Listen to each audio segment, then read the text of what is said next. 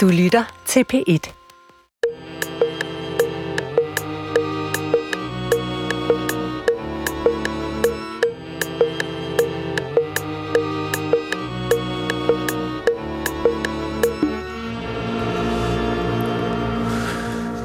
Goddag, mit navn er Peter Lund Madsen, og rigtig hjertelig velkommen til Hjernekassen på P1.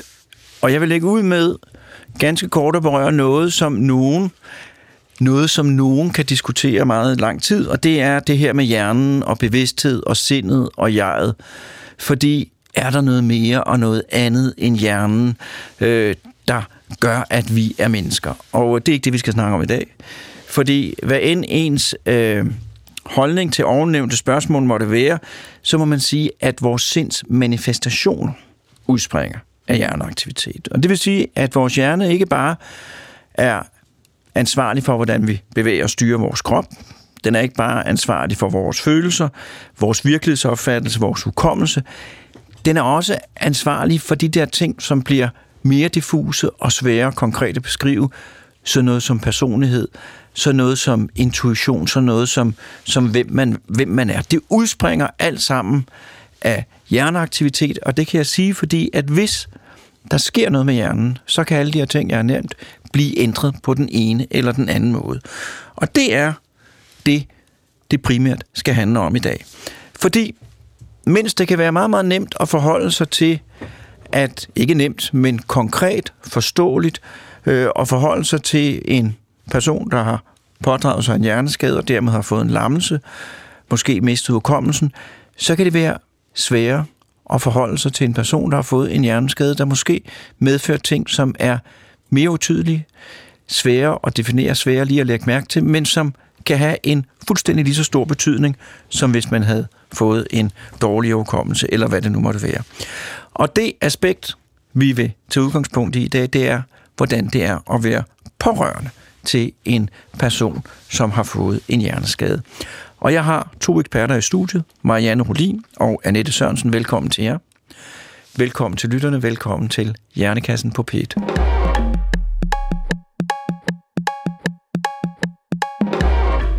Og Marianne Rolin, tak fordi du vil komme. Du er jo psykoterapeut ja. med egen praksis. Ja. Og vi sad lige her, inden vi startede og talte om, hvordan din praksis ud, og det var et dejligt flot lokale, ja, du havde. det er det. Ja, og ja. det bliver jeg jo helt misundelig på. Men det er ikke det, vi skal tale om i dag, fordi at hvis du vil lægge ud og tale lidt, fortæl lidt om dig selv, og så øh, også fortæl, hvorfor du er gæst her i et program om at være pårørende mm. til en, en person med en hjerneskade. Ja, tak. Øh, jamen, altså, ja, som sagt, så er jeg psykoterapeut og har min praksis inde i København K. Øh, jeg er gift med Peter. Vi har været sammen, en anden Peter. Vi har været sammen i næsten 40 år, og vi har tre voksne børn, og vi har forløbig fire børnebørn. Øhm, ja, og så er jeg jo her, som sagt, for at fortælle noget om, hvad det vil sige at være pårørende til et menneske med en erhvervet hjerneskade. Det er øh, ulykkeligvis, kan man sige, noget, jeg ved rigtig meget om, eller i hvert fald har lært rigtig meget om, hvad det vil sige, fordi for godt og vel fire og et halvt år siden blev min mand Peter ramt af nogle meget alvorlige blodpropper i hjernen, stammen, tror jeg det hedder. Ja. ja. Øh, ja, og jeg har efterfølgende jo oplevet øh, ja, alt muligt, selvfølgelig personligt og sammen med Peter, men, men noget af det, som gør, at jeg er her i dag, det er, at jeg virkelig gerne vil tale om, hvordan det er at være pårørende, fordi jeg har oplevet, at der er en ret lille viden øh, omkring, hvad det vil sige. Både at netop, som du sagde i din intro, at være ramt af en hjerneskade, uden at man kan se det, men dermed også, hvad det så vil sige at leve med et menneske, der er blevet forandret på grund af en hjerneskade, uden at der er nogen synlige tegn på det. Og det, vi, øh, det, det vi, vi, jeg har lovet at gøre opmærksom på, det er selvfølgelig, at Peter han er fuldstændig indforstået. Jeg har talt, øh, jeg har talt absolut meget med Peter om, at at hvad han synes om. For det første, at, at om jeg sagde ja til det her. Øhm, og jeg må sige, at jeg er gift med en mand, der har en stor kapacitet også i forhold til gerne at ville forstå, øh, hvad det indebærer at være mig, og gerne vil støtte alt det, han kan. Øhm, så ja, han er absolut indforstået med det. Og det skal han have tak for. Ja, det skal han i hvert fald. Vil du fortælle, hvordan, hvad, hvad var det, der skete med Peter, da han fik der, der blodprop i hjernestammen? Eller blodpropper Ja. i hjernestammen? Ja, ja øhm, det var altså som sagt godt og vel fire et halvt år siden, at det var en rigtig dejlig forårsdag, og vores yngste datter, som på det tidspunkt lige var blevet mor, hun skulle ud og have, hvad der skulle have været en dejlig dag ude i vores have, en dejlig solskinsdag. Og Peter kørte afsted for at hente hende, og så ringede hun til mig og sagde, at far er altså ret dårlig. Øhm, og der skal det siges, at på det tidspunkt havde Peter været igennem måske et par måneder i en slags slags udredningsforløb, fordi han havde haft sådan nogle svimmelhedsanfald.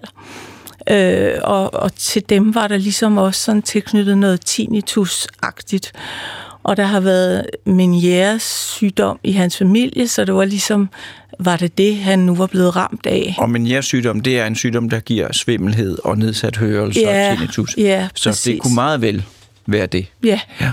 Ja, så han var i en, altså havde været nogle gange hos en ørelæge, og han var også blevet hjerneskannet. Og dagen inden faktisk, at Peter kørte ind her for at hente vores datter, der havde han været hos ørelægen og fået svar på både scanningen og også, at konklusionen var, at ja, det var nok Meniere, øhm, og scanningen viste ikke som sådan noget andet, end han havde nogle meget fortykkede kar i nakken, men at det var nok sådan, han var født. Øhm, så ligesom med det i baghovedet, så blev jeg selvfølgelig bekymret, da vores datter ringede, men jeg blev ikke så urolig, som jeg ellers ville være blevet, men jeg kørte ind selvfølgelig, og hun skulle ikke stå alene med det, og kom ind og kunne godt se, at Peter havde det rigtig, rigtig dårligt. Og han ville bare gerne hjem, og det skulle være hurtigt, og det var ikke, det, altså, det var jo ikke rart på nogen måde, og det var stresset, men, øh, og Peter ville oven i købet køre selv, og gudskelov satte jeg hælene i og sagde, det skal du ikke, det gør jeg. Øhm, og så kørte vi hjem, men var ikke nået særlig langt. Øh, så begyndte Peter sådan at sidde og vende og dreje sine hænder. Øhm, og jeg siger, hvad, hvad er det med dine hænder? Hvad er det, hvad er det du gør med de hænder? Øh, og han siger, jamen, jeg kan, jeg kan simpelthen ikke finde ud af, hvad der er op og hvad der er ned. Og så siger nej, det er simpelthen for underligt det her. Det kan ikke, altså, det, det må vi, altså, det må, vi, vi, det, vi må få dig undersøgt, altså. Og vores datter siger, jeg tror også, jeg står af nu. Så ud med hende og baby og om i barnevognen, og så gik hun afsted. Og da jeg så kom ind i bilen igen, var Peter faktisk væk. Og så ringede jeg 112,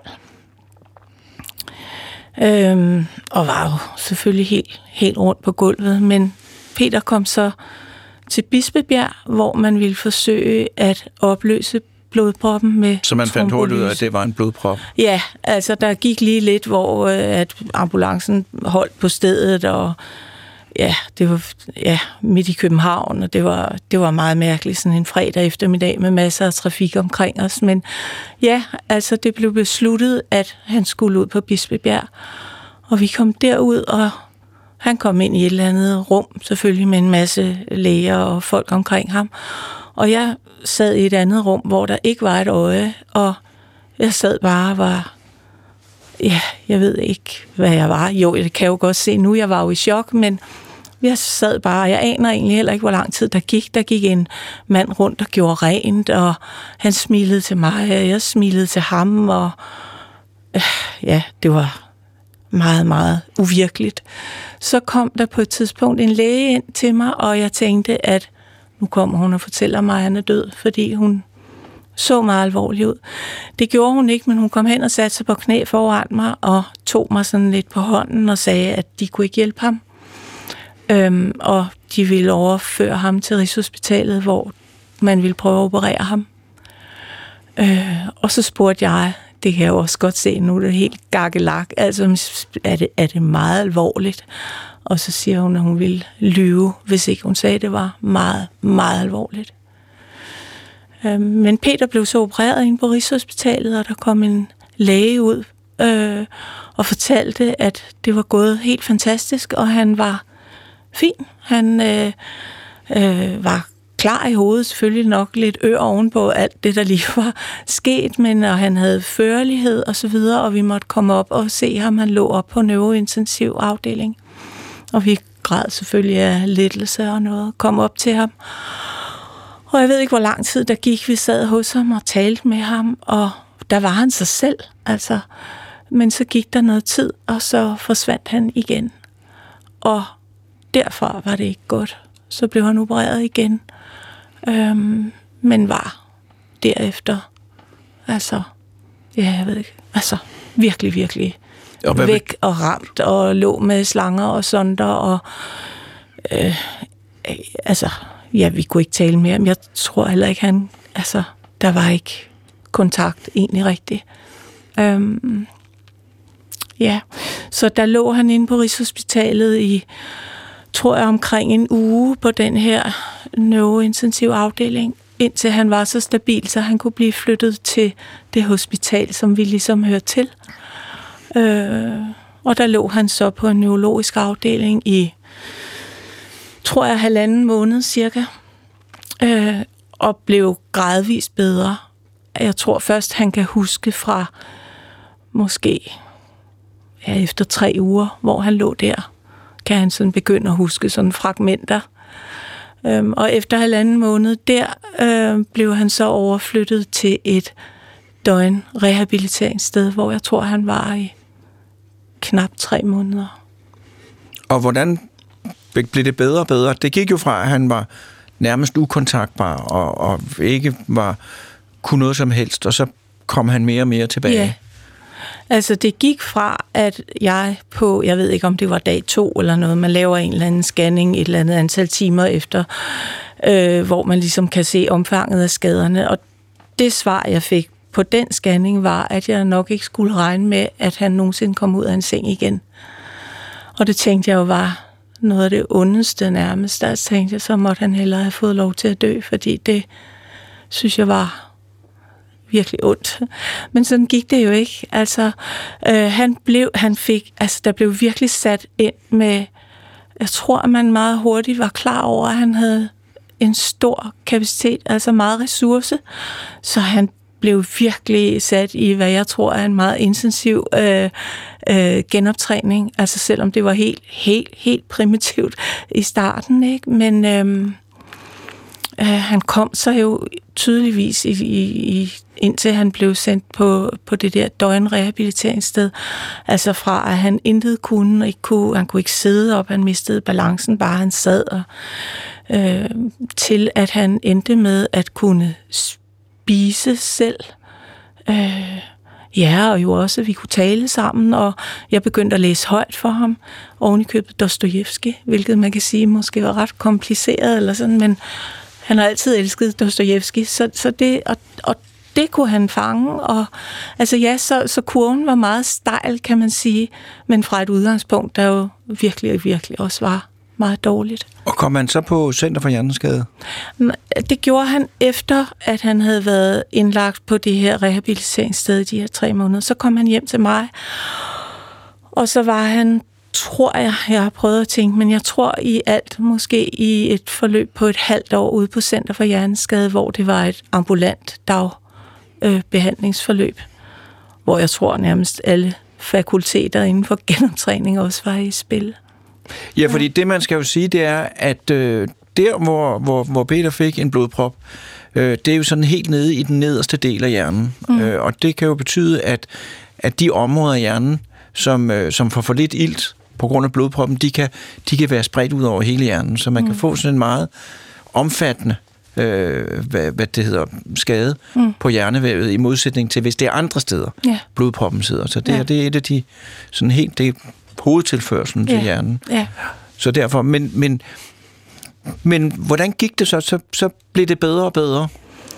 Det blev bedre og bedre. Man kan sige, altså det første halve år, der var kurven jo virkelig, altså udviklingskurven var jo stejl. Øhm, dernæst så flade den mere ud, men var jo stadigvæk, altså der var virkelig, virkelig udvikling, og det vil jeg sige, at det var der måske i virkeligheden jo, altså de første par år. Øhm, så altså, øhm, ja, altså så, så man kan sige, at, at mit håb blev jo også ved med egentlig at være til stede i forhold til, jamen det bliver, jeg, jeg havde jo ingen anelse om, hvad det her indebar, og hvor vi endte. Og det er der jo ikke nogen, der det har. Det er der ikke nogen, der har. Øh, det ved jeg jo nu. Øh, så, så jeg blev ved med at have et stadigt håb om, at, at øh, ja, jeg ved snart ikke, altså komme tilbage, eller at i hvert fald bare hele tiden en stadig tro på, at det bliver bedre og bedre. Også selvom jeg nu i tilbageblik kan se, at på et tidspunkt flade det ud, hvor at jeg egentlig blev ved med at tro, og blev ved med at håbe. Jamen selvfølgelig, fordi yeah. det var jo startet med, at du fik at vide, at han aldrig ville komme ud af sengen. Ja, yeah. ja. Øh, yeah. og, og, og, og, og hvor var det så der, da det begyndte at flade ud? Hvor han hvordan, var... Hvordan har Peter det i dag? Hvordan han har det i dag? Jamen, altså, det er jo det spørgsmål, som er faktisk ret svært at svare på. Jeg bliver, tit, jeg bliver jo tit stillet det, hvordan går det med Peter, hvordan går det med Peter? Og på en vis måde, så tænker jeg, at det er lidt ligesom, hvis man nu havde, altså uden sammenligning i øvrigt, men lad os sige, man havde mm, mistet sin ene fod, altså så ville han ikke blive bedre til at gå, øh, selvom det var for et halvt år siden, du spurgte mig sidst, hvordan. Øh, men, men selvfølgelig er spørgsmålet jo fyldt med omsorg og, og, og jo også relevant. Jamen, hvordan det går? Det går jo i forhold til udgangspunktet rigtig, rigtig godt. Øh, han er hjemme, og han har for mm, et års tid siden fik han lov til at køre bil igen hvilket jo er ret fantastisk. Ja, det er de store ting. Altså en kæmpe ting. Øhm, han var ellers blevet utrolig god til øh, offentlig transport og øh, taget afsted rundt med sin rygsæk og, og klare sig. Men altså, han har jo fået mere og mere af sit hvad, hvad skal man sige, gamle liv tilbage. Øh, vi taler sammen fint. Der er, øh, altså, jeg så på mange måder, jeg vil sige, set udefra, og hvis man ikke kendte kendte Peter fra før, så ville man tænke, at han er da, han er da fin. Ja. Og hvordan har du det, og hvordan er det at være pårørende i hele det her mm. forløb? Ja, hvordan har jeg det? Altså, jeg vil sige, det svinger lidt. Øhm, altså, jeg vil sige, egentlig de første, faktisk tre år, har været meget kendetegnet af min tro og mit håb på, at det her, det bliver bedre, og det skal vi klare, og det klarer vi, og Øhm, jeg har været, det tænker jeg vel, man er, men utrolig engageret i at prøve at finde ud af, så kunne vi gøre det, eller så kunne vi gøre det, eller øh, jeg har virkelig sådan været holdt oppe af sådan et, et, en tro på, at det her, det bliver godt. Og det er jo ikke fordi, at jeg ikke har oplevet situationer, der har været fuldstændig altså, vanvittige. Altså, kan det, der har gjort mærkelige ting. Altså ja, jeg kan give et eksempel, som handler om, da Peter kom hjem. Øh, ej, han havde været hjemme et stykke tid, og bo hjemme et stykke tid. Øh, og så øh, ville han gerne lave mad en dag. Øh, og der ville min, hvad skal man sige, min sunde fornuft ville nok sige, ej, vil du være, det er sgu en dårlig idé. Det, det gør jeg. Sæt du dig ind og, og slap af, og så laver jeg maden. Men det ville Peter gerne, og vi blev enige om, om så var omelet måske et meget godt øh, sted at starte. Så ville Peter gerne med i supermarkedet, og det kan godt være, at jeg havde taget ham med under alle omstændigheder. Det lyder, det lyder jo virkelig som om, at jeg er mor til et lille barn her, men, men sådan var det meget i starten. Jeg følte, at jeg skulle passe på ham. Jeg var redselslagen for, hvad der kunne ske, hvis jeg ikke var der. Øhm, men han ville meget gerne med at købe ind, og det tænkte jeg også er en dårlig idé, for du kan ikke overskue det. Altså, men det ville han, og jeg synes, det er svært at sætte mig, eller var svært at sætte mig i den situation og sige, nej, det må... Altså, han var jo også min mand. Altså, lige pludselig, så skulle jeg være sådan... Altså, altså den her, hele den her rollefordeling i vores liv, det, det var meget mærkeligt for mig at sige, det måtte du ikke samtidig med, at jeg var klar over, at det er potentielt en katastrofe. Men vi gik i supermarkedet, og Peter hilste på alle, altså fra parkeringspladsen og hele vejen rundt i supermarkedet, fordi det gør han jo slet ikke mere. Altså det her, det, det er lang tid det er lang tid siden, ikke? Hilste på alle, og folk kiggede på ham, og øh, det, han er sgu da lidt mærkelig, ham der, og jeg går over og bliver ked af det på Peters vegne, fordi jeg ved, at, altså, ved jo hele historien, øh, og ved, at han er en altså, ja. Du kender ham? Øh, jeg kender ham og ved, at han er en højt begavet og, og alt muligt vidunderlig mand, og nu er han bare ramt af den her hjerneskade. Jeg vidste også, at det ville være noget med at lede efter grøntsagerne i mejeriafdelingen og lede efter æggene blandt agurkerne og sådan noget. Det, og, og sådan var det. Øhm, men hjem kommer vi med to indkøbsposer, og det første Peter gør, inden vi får taget tøjet af, inden noget, går han direkte hen og tænder for to gasblus på fuld skrue. Og jeg farer jo ind og slukker dem og siger, altså vi må lige have tøjet af, og vi skal lige pakke ud og, og øh, prøve at lave det i den rigtige rækkefølge og så videre. Så altså, ja, sådan har der jo været. Men sådan er det ikke mere. Sådan er det ikke mere. Sådan nu er, er det ikke mere. Nu er det sådan, at hvis jeg møder Peter, så vil jeg jo ikke umiddelbart lægge mærke til noget, siger du. Nej. Og hvordan er det for dig? Sådan er det ikke for mig. Altså, sådan er det ikke for mig, fordi der er mange ting, der stadigvæk er, hvad skal vi sige, skæve, eller ja, der er mange af de her kognitive eller følelsesmæssige ting, der er ændret. Der er jo også meget af det, der er subtilt. Altså, der er jo meget, man kan sige, når man har levet sammen så mange år, som vi har, altså, så kan der jo være mange, øh, altså sådan et indforstået sprog, der i virkeligheden bare kan ligge i et blik, eller en berøring, eller et eller andet, hvor et eller andet kan opstå, og jeg kan kigge hen på Peter i forventning om, nu får jeg det der blik. Det gør jeg ikke. Eller, altså, øh, og det lyder som en lille ting, men altså, det er måske i virkeligheden mere mængden af mange små forandringer, øh, som ja, samlet set kan øh, være det, der er svært. Vi tager lige en jingle.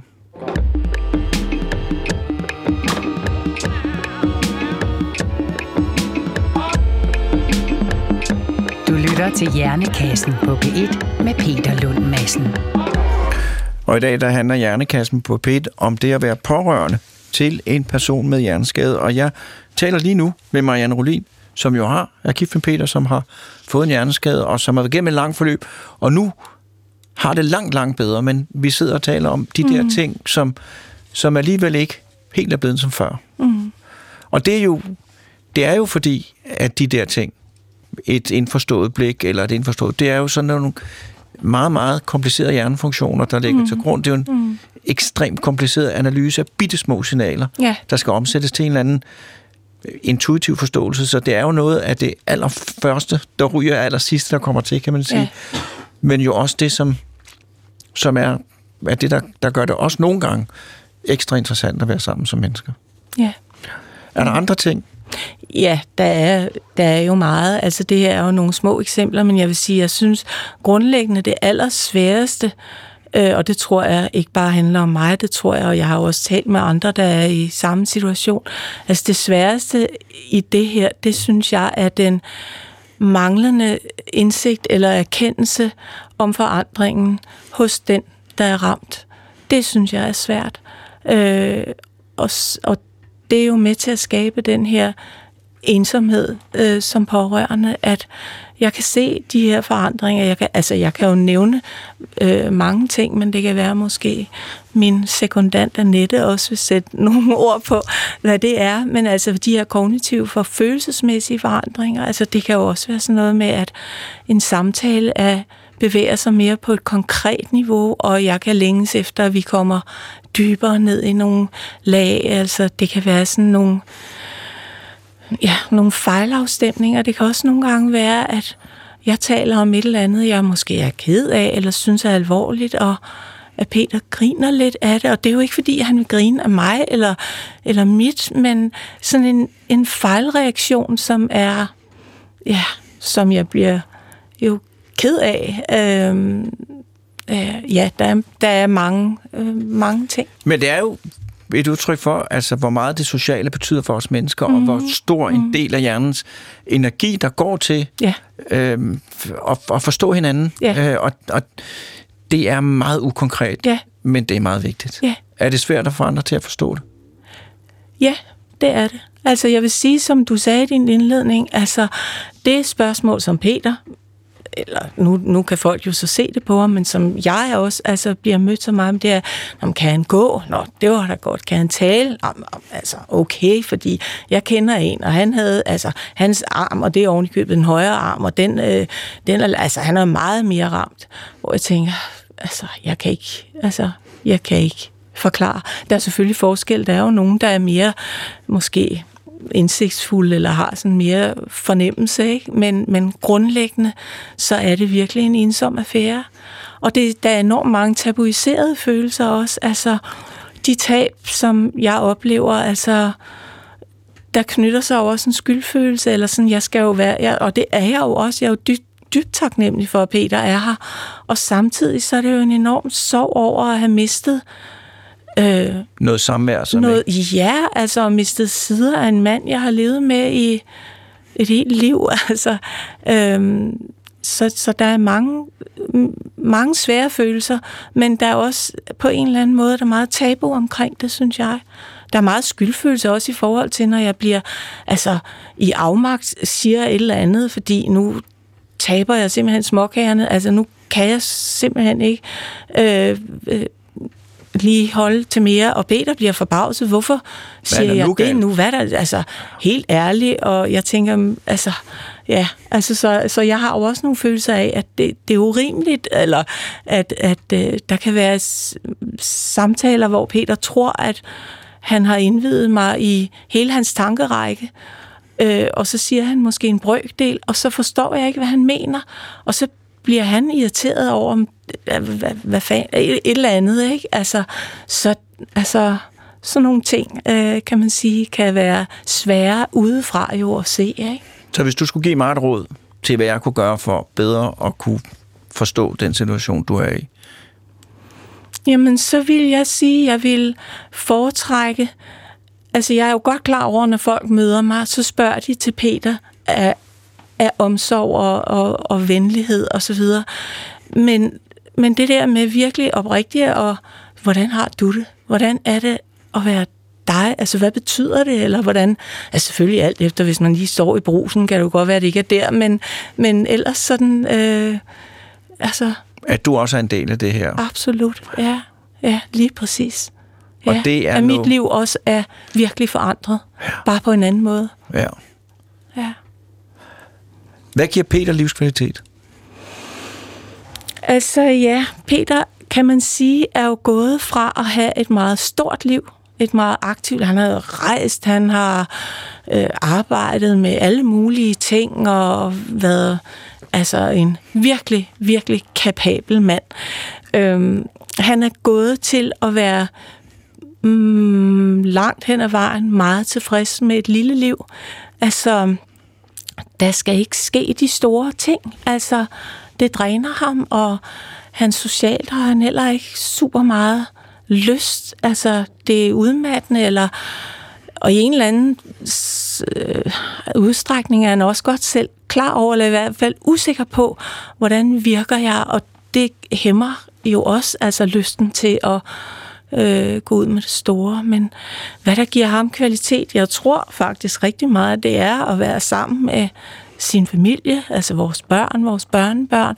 Han har været virkelig en sportsmand tidligere, spillet golf og tennis, og i starten, altså han kan stadigvæk ikke spille tennis, og kommer nok heller aldrig til det. Han prøver at spille lidt paddeltennis med en anden øh, ven, han har, der også er ramt på en lidt anden måde.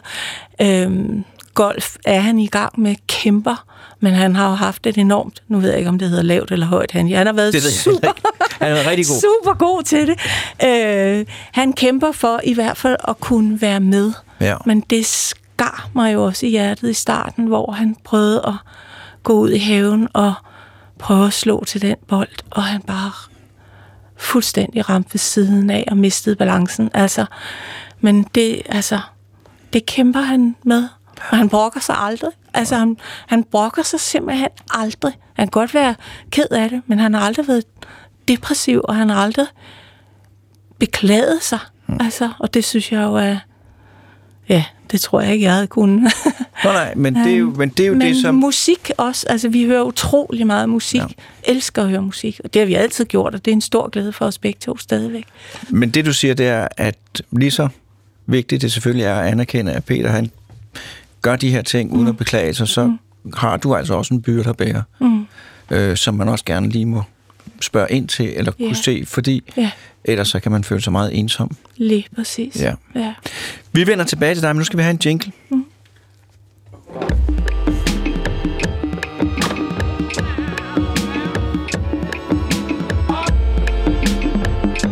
Du lytter til Hjernekassen på P1 med Peter Lund Madsen. Og i dag der handler det om at være pårørende sin hjerneskade. Jeg taler med Marianne Rolin, som er gift med Peter, som har en hjerneskade. Og nu skal jeg tale med Annette Sørensen, som er neuropsykolog på Center for Hjerneskade, Københavns Universitet, Amager. Velkommen til dig, og vil du ikke også lægge ud med at fortælle lidt om dig selv? Det kan du tro. Øhm, Jeg arbejder som øh, neuropsykolog på det, der hedder Center for Hjerneskade, som du fortæller. Det ligger faktisk lige om hjørnet fra, hvor vi befinder Ja. os her i, i, i øh, det er Så slipper vi for Ja, transportgodtgørelsen. det er det, vi er gået herhen. Det er alt sammen meget godt. Øh, Center for Hjerneskade er et øh, ikke-kommercielt specialsygehus. Et såkaldt paragraf 79 specialsygehus i stil med øh, Sklerosehospitalet i Haslev eksempelvis, og Epilepsihospitalet i Diana Lund, og vores øh, søster specialsygehus over i Jylland, Vejle Fjord. Øh, vi, øh, vi varetager specialiseret genoptræning øh, efter en øh, erhvervet hjerneskade. Øhm, og centret det blev ligesom etableret tilbage i 85. Øh, så det har, har ligget der et stykke tid, og vi har været her øh, som det første af sin art, øh, faktisk i Europa, øh, der tilbage i 85, hvor en, øh, en professor ved navn Anne-Lise Christensen Ja. øh, kom tilbage øh, fra en læretid hos øh, den sovjetiske neuropsykolog øh, og læge Alexander Luria og bragte nogle gode idéer øh, her med til landet.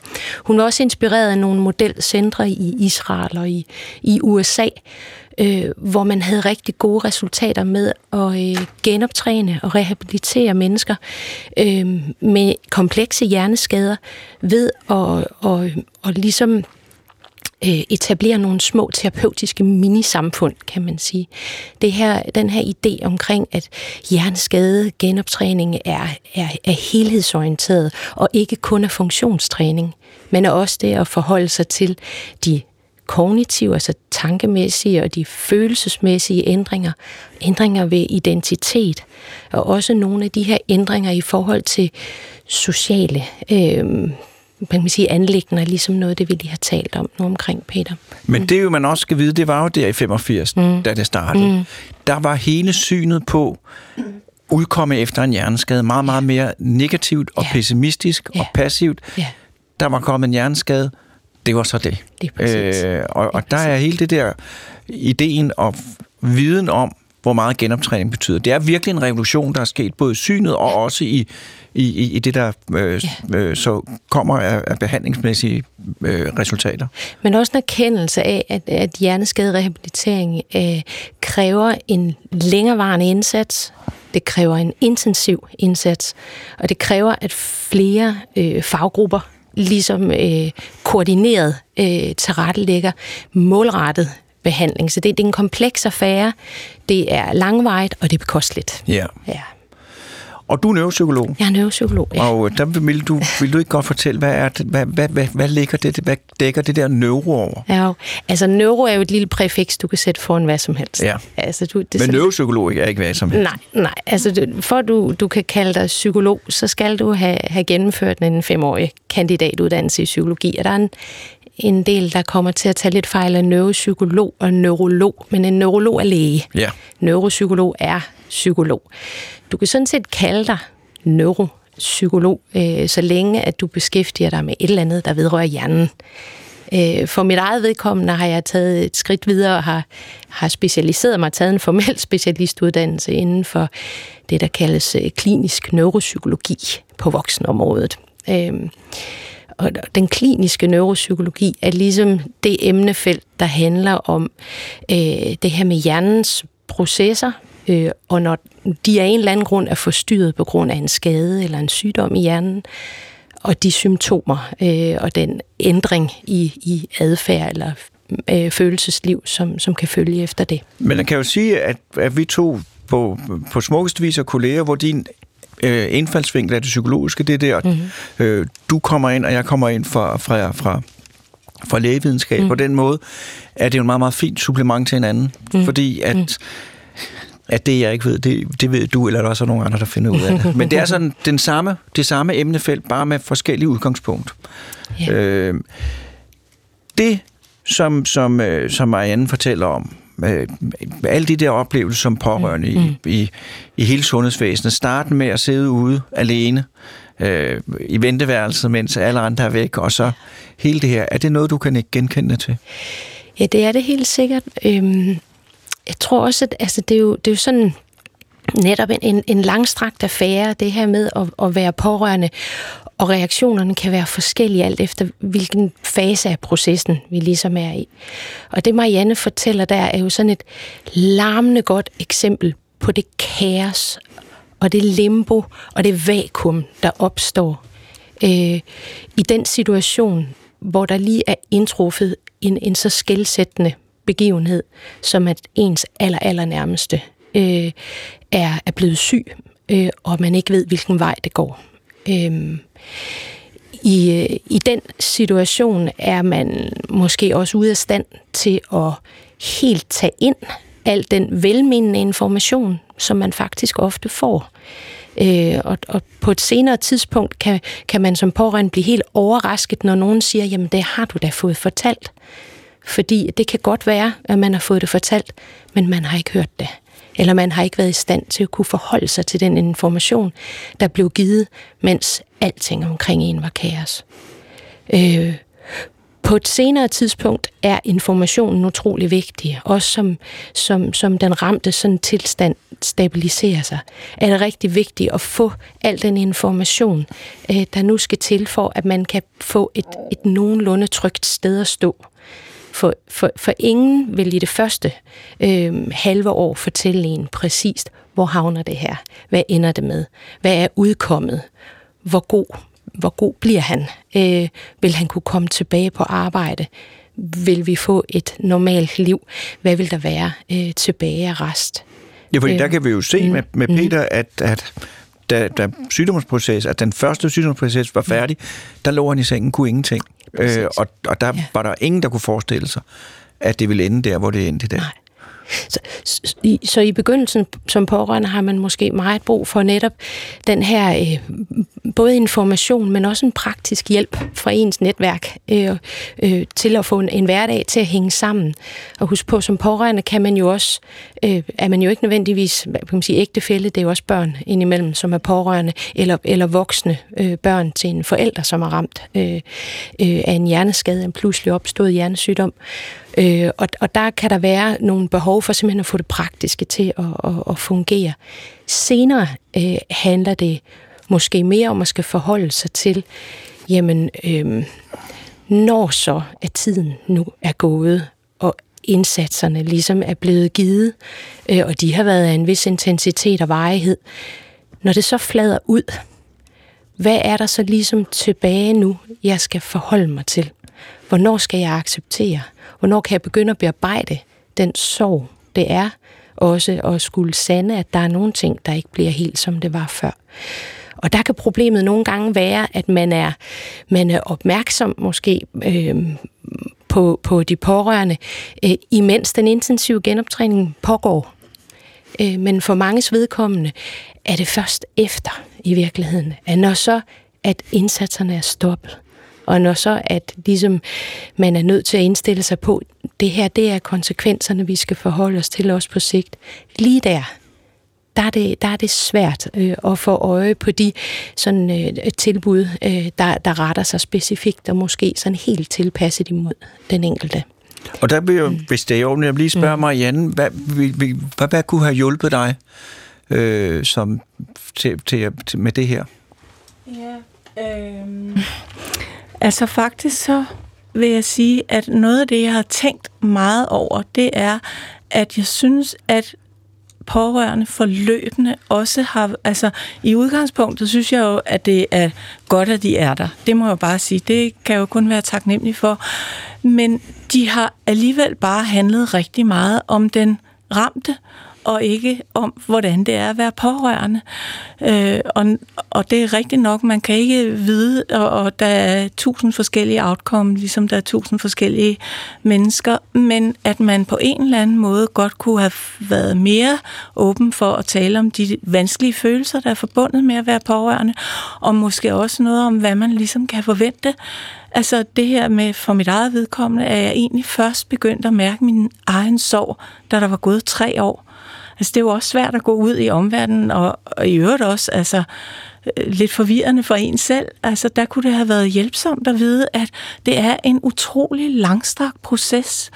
Øhm, så hvordan øh, hvordan det faktisk følelsesmæssigt kan være at være pårørende, det synes jeg kunne have været meget hjælpsomt at høre noget mere om. Jeg har siddet og set slides af alle mulige hjerner, der kunne være ramt på den ene eller den anden måde, og jeg må sige, altså, der var et par gange undervejs, hvor jeg simpelthen tænkte, det her det er nærmest et overgreb. Altså 24-7 handler mit liv om, hvordan at Peter kan få det bedre, og om Peter, og øh, lige de her to timer, den her ene gang om måneden, der ville jeg synes, der var det skønt, at der var lidt plads til at tale om, hvordan, hvordan, det, er. hvordan det er at være mig i det her kaos. Du lytter til Hjernekassen på P1 med Peter Lund Madsen. Og Hjernekassen på B1 handler i dag om at være pårørende til en hjerneskade, og jeg ville gerne spørge Nette, det, som Marianne siger, hvad, hvad, hvad, hvad tænker du om det? Jamen, jeg tænker jo, at, øh, at, det, som, at de fleste pårørende har i virkeligheden brug for en, en kombination af indsatser. Øh, ligesom de ramte. Øh, der, er, der er behov for, for, for oplysning, der er behov for viden, men der er også brug for parallelt dermed at få en mulighed for at kunne bearbejde. Hvad kan man sige, igen, som Marianne nævner, altså, hvornår handler det om mig, og det at være mig, og det at være pårørende, og ikke hvordan jeg kan hjælpe øh, min ramte pårørende. Øhm, og der findes jo rigtig, rigtig gode netværksgrupper. Øh, de forskellige øh, øh, hvad hedder det, patientforeninger har jo tilbud. Øh, men, men, men nogle gange, som Marianne siger, kan det komme til at handle meget om, at man som pårørende skal forstå den ramte skade, og hvordan man så godt som muligt kan være pårørende. Øh, men der er også brug for, at den pårørende har en mulighed for at få sparring på, jamen hvordan kan jeg komme videre i mit liv? Øh, så på den måde vil jeg sige, at, at der rammer du ret godt min opfattelse også, Marianne. Mm. Men det er jo, altså nu kan det jo godt være, at det er forkert, det jeg siger. Men, men det er jo, altså sundhedsvæsenet, hvad det så end er som år, de, de er jo søde og gode, og vil jo gerne hjælpe så godt som muligt. Men er jo naturligvis som udgangspunkt fokuseret på patienten, og skal have at vide udefra, eller et eller andet, at hov, der er også det andet her, fordi det er jo helt naturligt, at man vil rette sin opmærksomhed øh, mod at, at, at behandle sygdommen. Og der er jo mange, gange, mange mennesker, som jo har fulgt andre mennesker på vejen gennem sundhedsvæsenet, vil jo kunne sidde og sige, hvorfor tænkte de ikke lige på det og sådan noget. Og hvis man ikke gør opmærksom på det, så bliver det ikke løst. Men det er jo, det er jo som udgangspunkt rettet mod at løse patientens problem og redde så meget. Hvad vil du sige? Jeg vil sige, at, at, at der er en del øh, afdelinger nu sådan i neurologisk regi, som jeg kender til, hvor man, hvor man har i hvert fald i et vist omfang ressourcer til øh, at, at, at kunne tilbyde nogle støttende samtaler til enten øh, altså voksne pårørende, men også børn. Øh, men det er jo klart, at, at nu til dags, hvor, hvor indlæggelsestiderne bliver stadig kortere og kortere, og de her forløb er meget accelereret. Øh, mennesker med selv meget komplekse hjerneskader bliver faktisk udskrevet ret hurtigt i dag, sammenlignet med, hvad de gjorde tidligere. Og det er jo begrænset, hvor, hvor meget af en indsats man kan stable på benene inden for den tidsramme, men også ressourcemæssigt. Og som vi har været inde på før, så, så er der et langstrakt behov. Ja. ja, men altså jeg vil jo sige, hvis man kigger på dengang, jeg var helt ung reservelæge, altså det er jo blevet, alle ting er blevet bedre. Altså der var, der, jeg arbejdede jo på neurologiske afdelinger, og folk kom ind med deres blodpropper, og de, der var ingen, altså de, man fik en besked, og så videre i teksten, så det er jo fuldstændig forandret til det bedre. Marianne? Ja, men jeg tænker, i forhold til det, det er jo rigtigt, at selvfølgelig er indsatsen jo fokuseret omkring den ramte.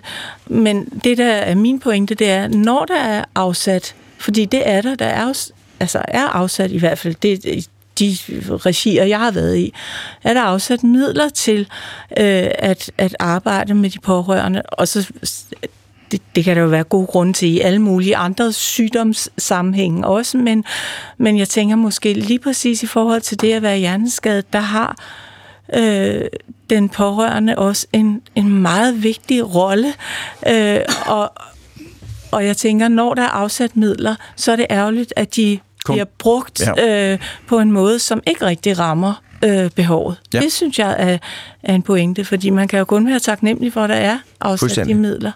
Annette? På, på Center for Hjerneskade i vores sådan intensiv specialiseret forløb, der er øh, pårørende-delen ligesom en integreret del øh, af, af, af programmet, kan man sige.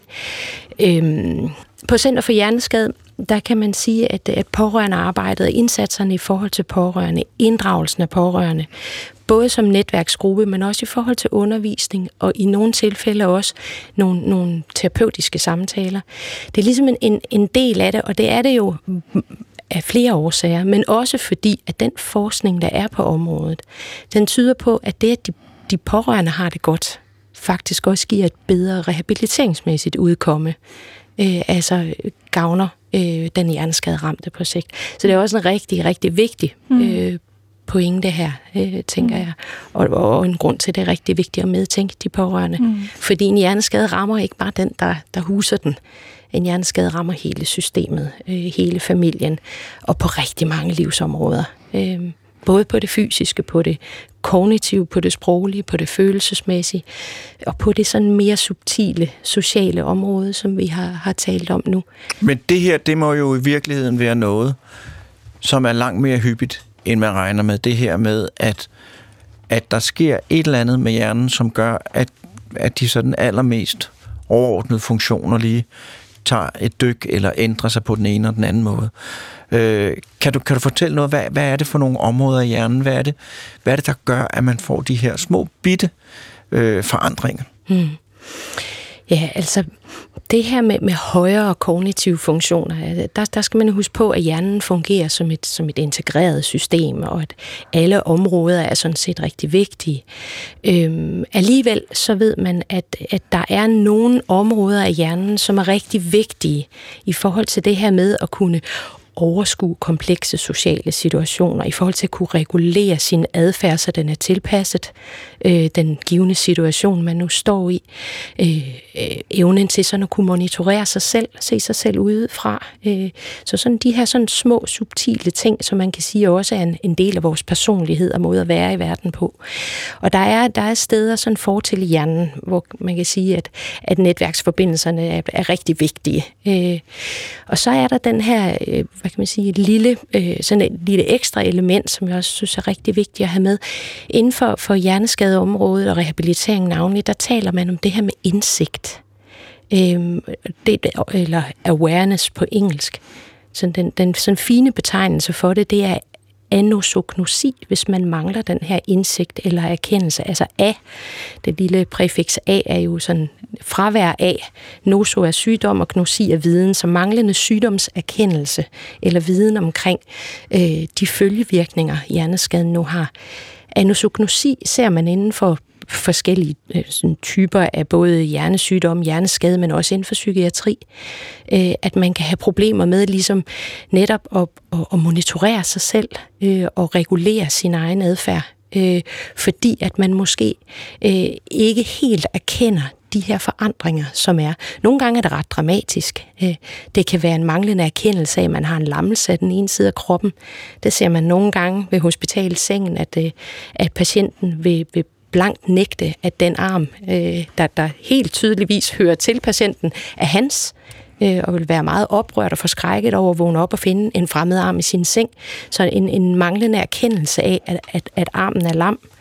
Øh, det kan også være i forhold til synet. En manglende erkendelse af, at jeg faktisk ikke kan se noget øh, i, i situationer, hvor en, en hjerneskade øh, har medført, at hjernen ikke længere kan bearbejde de synsindtryk, der kommer fra øjnene.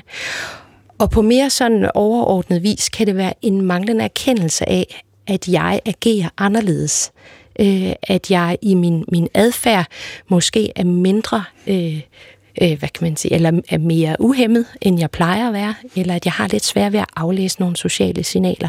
Det kan også være, at jeg lige pludselig er begyndt at tale meget mere, end jeg plejer, og faktisk har svært ved at stoppe igen, fordi at jeg ikke kan monitorere den taletid, som jeg allerede har brugt, eller se de andres tegn på, at så nu begynder du at have talt ja. lang tid, og folk begynder at sidde lidt uroligt på stolen og vil gerne bryde ind og så videre. Så det, det er sådan de her subtile ting, og de her social-kognitive ændringer er tit lidt mere udtalte hos mennesker, som ikke øh, har den fulde sådan erkendelse af, hvordan øh, hjerneskaden har medført nogle forandringer.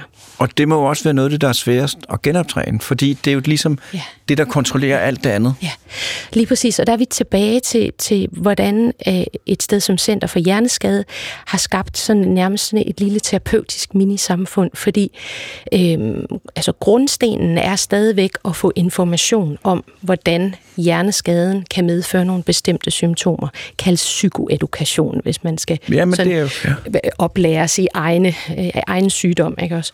Øh, og, eller følgerne af den. Øh, men det er også øh, feedback. Og, og det er det i en terapeutisk sammenhæng, hvor man ligesom øh, sidder med andre øh, og, og styret af, eller faciliteret af, af terapeuter, men at man så får feedback på sin adfærd. Man har måske nogle fokuspunkter, som det er aftalt på forhånd. Jeg arbejder med det her. Øh, og så får man ligesom en tilbagemelding på, jamen, hvordan fremstår du i den her kontekst?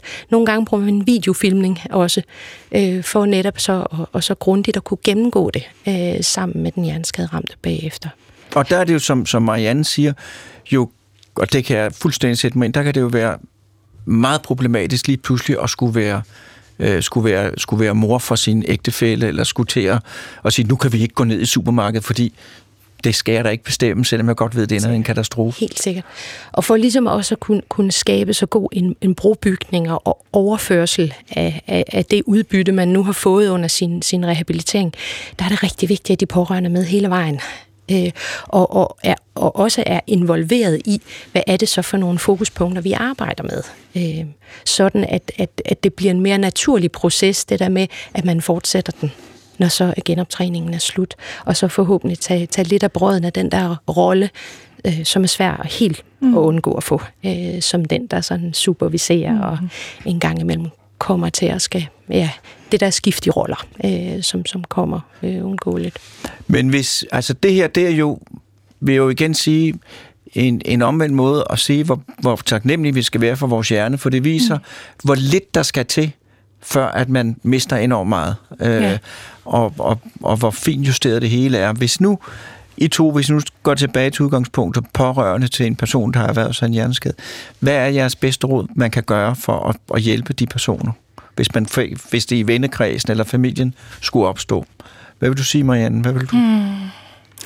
Jeg vil sige i virkeligheden, altså fordi det er jo, det, det er jo blevet et livsvilkår, så, så på en eller anden måde er det en, en villighed til at lytte, til at lytte til, til det, det er. Altså, øh, fordi det er jo ikke det, det er ikke noget, der, i hvert fald når man er nået til et eller andet vist punkt efter skadens opståen, altså så er udviklingen jo ligesom, øh, altså så er vi der, hvor vi er. Så sker ja. der ikke så meget mere.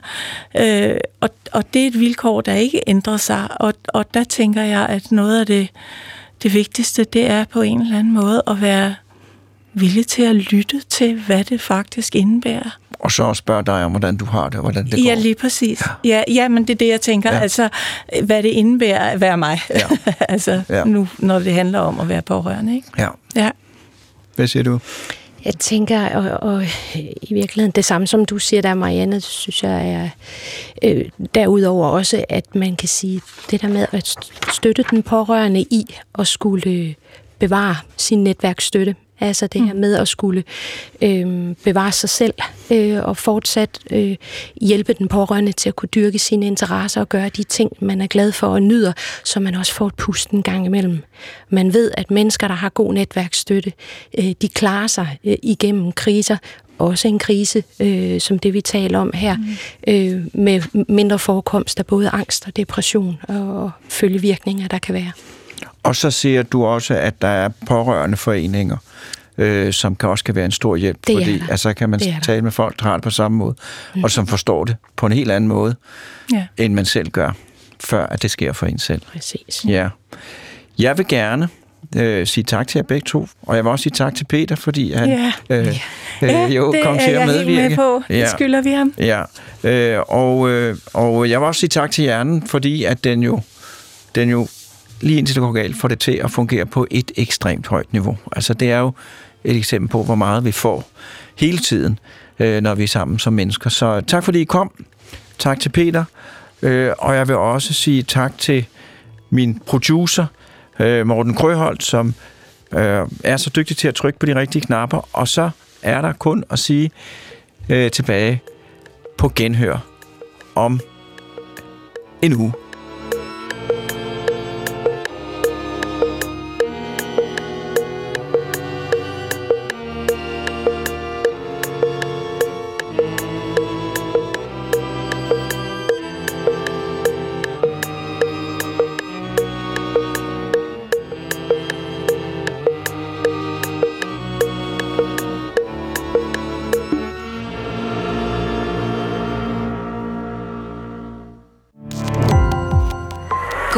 Opdagelse i alle DR's podcast og radioprogrammer. i appen DR Lyd.